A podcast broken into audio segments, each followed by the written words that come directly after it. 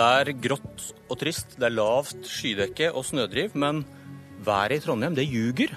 For sola skinner på Trygve Slagsvold Vedum og Senterpartiet. Velkommen til Politisk kvarter i din egen landsmøtesal. Tusen hjertelig takk. Det er hyggelig å være her sammen med deg, så det her blir en god start på dagen. Du er en politisk superstjerne. Du snakker på vegne av det norske folk.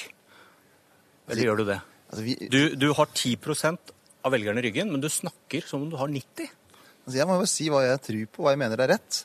Og jeg, og jeg tror på at du skal ha tjenester nært folk, at du skal ha en politikk der de ser hele Norge, for vi tror på hele Norge.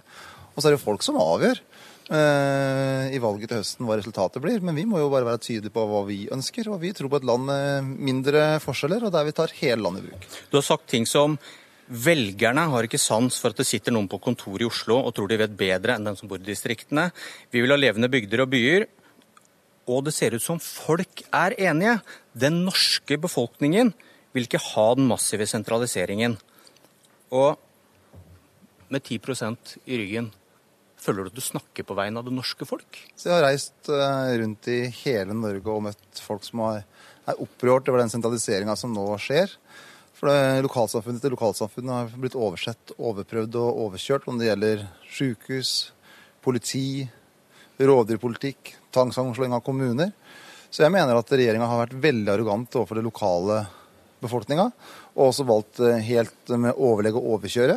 Og Vi mener det er en feil strategi. For det, det klokeste i et land er at man lar beslutningene i, hovedsak være lokal, og at man lytter til de som faktisk står i det i hverdagen. Og at man lytter til de som har politiuniformen på, de som er i Forsvaret, de som er i det praktiske hverdagslivet. Ikke den arrogante holdninga som regjeringa altfor ofte har sagt, f.eks. når det gjelder nærpolitireformen, at de som er politifolk, ikke har visst hva det er snakka om, mens de som har sittet da som statsråder, har visst så mye bedre enn de som faktisk gjør jobben. Og Vi er uenige i en sånn tilnærming, og da må jeg bare si det. Men når du hører deg selv snakke, så er det oss, folket, mot dem, eliten. Altså, jeg mener at regjeringa har opptrådt på en veldig arrogant måte overfor de som står i det praktiske hverdagslivet, i sak etter sak. Og er du statsråd, eh, har du mye makt, så skal du være mer ydmyk.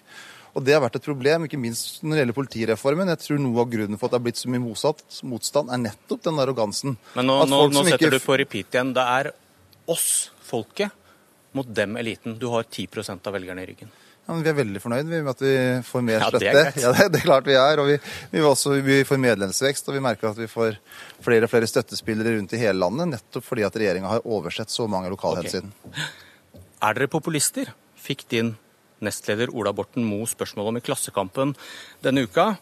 Nei, det er jo ikke sånn at Senterpartiet har byttet standpunkter for å tekkes en stemningsbølge, svarte han. En av de mest betente sakene i norsk politikk denne stortingsperioden om bensin- og dieselavgiftene skulle økes, endte med en enighet på borgerlig side, opp 15 og 35 øre. Til voldsomme protester fra deg. Distriktsfiendtlig. Folk på bygda har ikke noe alternativ til bilen. Men hva sto i Senterpartiets alternative statsbudsjett? Ja, det som sto i vårt alternative statsbudsjett, og som var også fasiten etter at vi satt åtte år i regjering, var at dagens regjering, med Erna Solbergs egne ord, for hun skrøt av det, at de økte drivstoffavgiftene mer på ett år enn man gjorde på åtte rød-grønne år. Nå svarte du ikke på spørsmålet. Hva sto jo, i ditt og- alternative statsbudsjett for i fjor? Ja, Da sto det jo en sånn avgiftsveksling, og så var det et nullsumspill. Det var ingen Men hva, provenyøkning. hva sto det om bensin- og dieselavgiften? det sto tre ting. Det ene sto at vi skulle gi helt avgiftsfritak for den delen som var innblanding, altså den Bio. biodiesel, biobensindelen. Altså bensin og og diesel. Og så skulle den øke, men i sum skulle ikke pumpeprisen gå opp for forbruker. Men hvor- Og Vi tok ikke inn ei krone mer i avgifter, men vi hadde en vridning for vi skulle få en grønnere bilpark. Men det vi er så imot. Men, men, er men, en- men, jo, men, men jo nei, da, da må jeg spørre deg. Hvorfor argumenterte du ikke for Senterpartiets løsning da, i fjor, når du, når du klagde på regjeringen? Men vi hadde ikke noen avgiftsøkning som ville merka når du stod og fylte drivstoff. Poenget vårt er at vi skal ha miljøpolitikk som har effekt, ikke miljøpolitikk som bare straffer folk som ikke har noe alternativ til privatbilen. Og Det var det som var problemet med den avgiftspolitikken som regjeringa gjorde i fjor. At det var, når du legger på momsen over 50 øre okay. i, i drivstoffprisøkning, og så skulle man da, hvis man ikke brukte bil, skulle man få litt billigere. Men mange i Norge har ikke noe alternativ til å bruke bil. Og da må vi ha en politikk tilpasset at Norge er mer enn Oslo sentrum. Nå, nå, nå, Og da ja, hadde vi den politikken vi hadde. Nå gjør du noe jeg ikke hørte du gjorde i fjor høst. Du forsvarer deres opplegg og snakker om en veksling. Og da blir spørsmålet hvorfor endret dere denne politikken da? For det alternative budsjettet dere har for i år? Altså det som vi var opptatt av, det er å ha gode løsninger som skaper reelle nedganger i klimautslipp. Så fikk vi mange tilbakemeldinger på at den avgiftsfritaket var en mindre effektivt tiltak enn å ha et høyere omsetningskrav. Dere Og snudde, derfor, ja, derfor så justerte vi politikken. Men dere, er snudde løg- da, dere snudde da det ble upopulært? Nei, men det, vi lagt, nei, det som har ligget fast hele tida, det er det totale avgiftsnivået. Så det er jo ingen enkeltpersoner som ville merka forskjellen, men det var hvordan vi skal ha en mest mulig effektiv politikk. Du sier, det jo selv, dere, til- du, du sier det jo selv at dere snudde da det ble upopulært. Dere fikk protester, Ja, men, og så lagde dere en annen politikk som dere ikke snakket om i fjor, da dere klagde på regjeringen. Ja, men det som er viktig for oss, det er at det skal være stabilitet for forbrukeren. Det har ikke vært noen endringer fra det ene året til det andre. Vi har jobba sammen med næringa for å se hvordan kan vi føre en avgiftspolitikk, en politikk når det gjelder omsetningskrav, som gjør at det er mulig å få til en grønnere bilpark. Så fikk vi en del tilbakemeldinger på at det var unødvendig det grepet vi gjorde med avgiftsfritak på bio. At det var lurere å øke omsetningskrav. Og da lytta vi på det. Men for forbrukeren, for deg og meg, var det ingen forskjell. Og det er klokt å lytte når du får gode tilbakemeldinger fra næringa, det gjorde vi. Vi, spurte, vi startet med spørsmål om dere var populister, og man da så sa Ola Borten Moe nei, vi endrer ikke politikk når det, blir, når det blåser, når det blir upopulært. Nei, men Det blåste ikke rundt den saken i det hele tatt. Og det gjorde ikke det, nei? nei? det gjorde ikke Nei. det, for dette Poenget er at vi er opptatt av å ha en kunnskapsorientert politikk. Men så er vi opptatt av stabilitet, og så er vi opptatt av en politikk som er tilpassa hele landet. Og det har vår avgiftspolitikk vært. Ok. Vi snakket om oss, folket, og dem, eliten. Du, du feiret brexit, at Storbritannia melder seg ut av EU. Håper du Frankrike gjør det samme? Det er det franske folk som skal avgjøre. For en hva- Senterpartiet, vi, altså, jeg, altså, jeg mener at det er en uting at norske politikere skal blande seg inn i andre lands valgkamp. De skal få lov til å ha sine debatter, ta sine standpunkt. Det norske folk sa nei til EU i 1994 fordi vi ønska at det var det Stortinget vi kunne stille til ansvar i valg. Og så valgte nå det britiske folk å gjøre det samme, at de skulle stille sitt parlament til ansvar i valg. Og da syns jeg det var bra.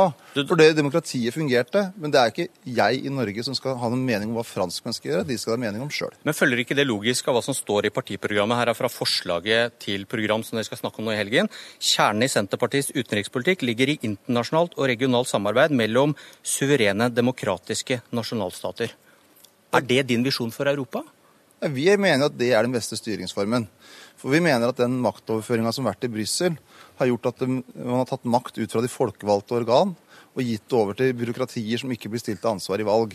Men, men, Men men, med det i bakhodet, igjen, håper du at Frankrike gjør det samme som Storbritannia? Jeg håper at Frankrike tar det valget de mener er best for seg. Men vi tror best på Men du vil jo ha suverene nasjonalstater Ja. Da må du vel eh, ha så mange Men- som mulig ut av EU, da? Men jeg syns det har vært en litt sånn uting i norsk politikk at norske politikere skal være valgmedarbeidere i ulike valg, sånn som man så i den amerikanske valgkampen, som man så i den eh, britiske valgkampen. Vi får ha vår debatt. Jeg mener at det er best at vi har en nasjonalstat med velfungerende rammer, med et levende folkestyre. Ja, vi tror jo på det, men de får ta sine valg. Og så er det viktig hvis det skal skje endringer, at det skjer gradvis, at det er kunnskapsbasert, og at det ikke skaper for mye konflikt. Etter to verdenskriger på, med utgangspunkt i, i Europa, tror du ikke et forpliktende samarbeid og økonomisk integrasjon, avhengighet, er med på å stabilisere Europa? Jeg tror vi er Du argumenterer for noe i andre retningen, mener noen. Så vi er 100 avhengig av tett samarbeid. Handel, Men du vil ha mindre av det? eh, kulturutveksling. Men det som jeg tror er noe konfliktdrevne nå, det er at når du flytter makta fra folket og over i store byråkratier som ikke kan stilles til ansvar i valg, så er det konfliktdrivende, ikke konfliktdempende. Og når du ser på eurosona, som har vært et av de store EU-prosjektene de siste åra, så har det vært en fiasko, ikke en suksess. Og det har vært konfliktdrivende, ikke konfliktdempende. Og jeg håper at EU-systemet nå tar protestene på alvor, at de ser at de bør gi mer makt tilbake til nasjonalstatene, sånn at man demper det konfliktnivået vi nå ser. For det konfliktnivået er skummelt, og alle må jobbe for å dempe det. Vi snakket om oss og dem. Var det, var det en oss først-tankegang som førte til to verdenskriger?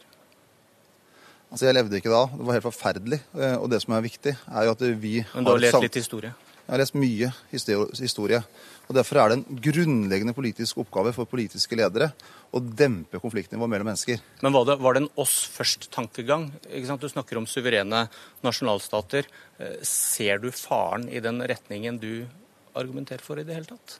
Det er ikke den måten vi argumenterer for. For det vi snakker om, det er et inkluderende fellesskap der vi løfter hverandre. Der nasjonalstaten er den svakestes vern. Men så har du hatt mange eksempler der det har vært ekskluderende, der det har vært eliter som har misbrukt makt, der det har vært manipulasjon.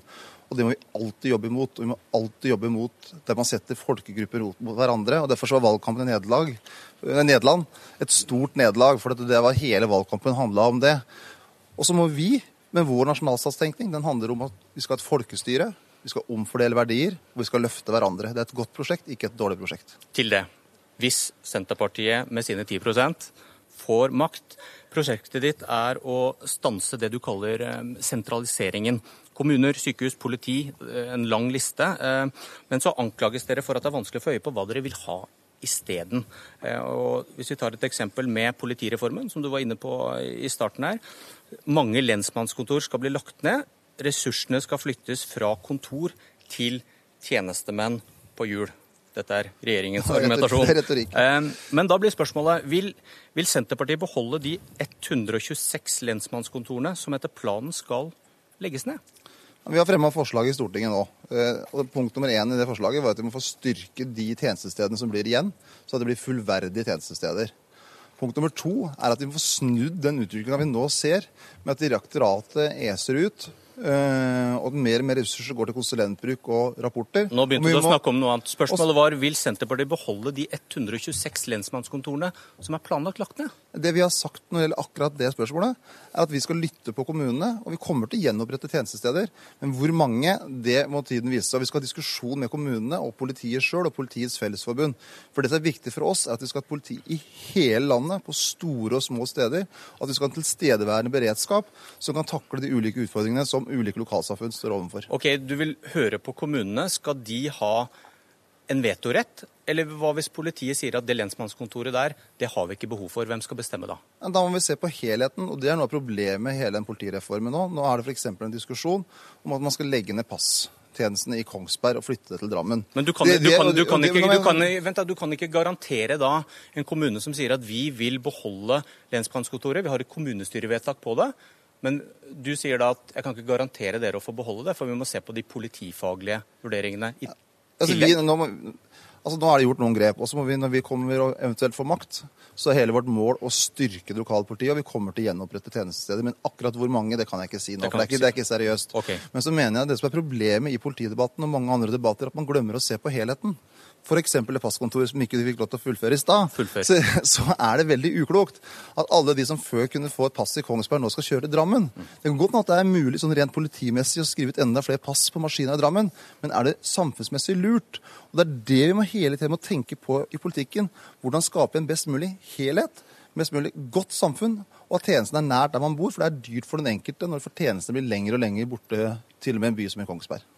Og så nevnte du det politifaglige, at dere ville legge vekt på det. Eh, politianalysen, eh, der heter det at dagens tjenestestruktur er et reelt hinder for politiets mulighet til å drive effektiv forebygging, sikre lov og orden og tilby gode polititjenester lokalt. Ja, Det er ulike syn på det òg. Og vi har veldig tro på nærhet, forebygging, at det er viktig med lokal kunnskap. Og vi er også opptatt av den helhetlige samfunnsutviklinga. At man skal ha et bredde av tjenestetilbud mange steder i Norge som gjør at man får gode og levende lokalsamfunn. Og så Når man skal da eh, komme inn i regjeringskontorene, så må man jo diskutere med de man eventuelt skal inn der sammen med. Eh, og Hvordan skal vi nå sikre at vi bygger opp den lokale beredskapen, ikke bygger ned? og Det er det som skjer nå.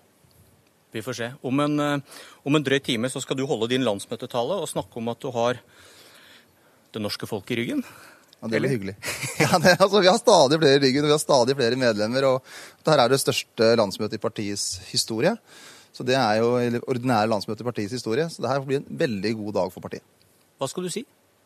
Nei, Jeg skal snakke om tjenester nært folk. At vi tror på hele Norge, ikke på den sentraliseringspolitikken som dagens regjering fører.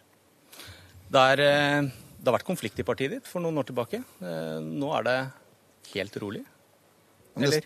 Ja, heldigvis er det politiske debatter, da. Men det som er viktig i et parti, er at partiet er et stort lagarbeid. Eh, og nå jobber vi godt som et lag, og da blir vi en stor, stor kraft sammen. Trygve Slagsvold Vedum, godt landsmøte. Takk for det. Og dette var Politisk kvarter. Jeg heter Bjørn Myklebust.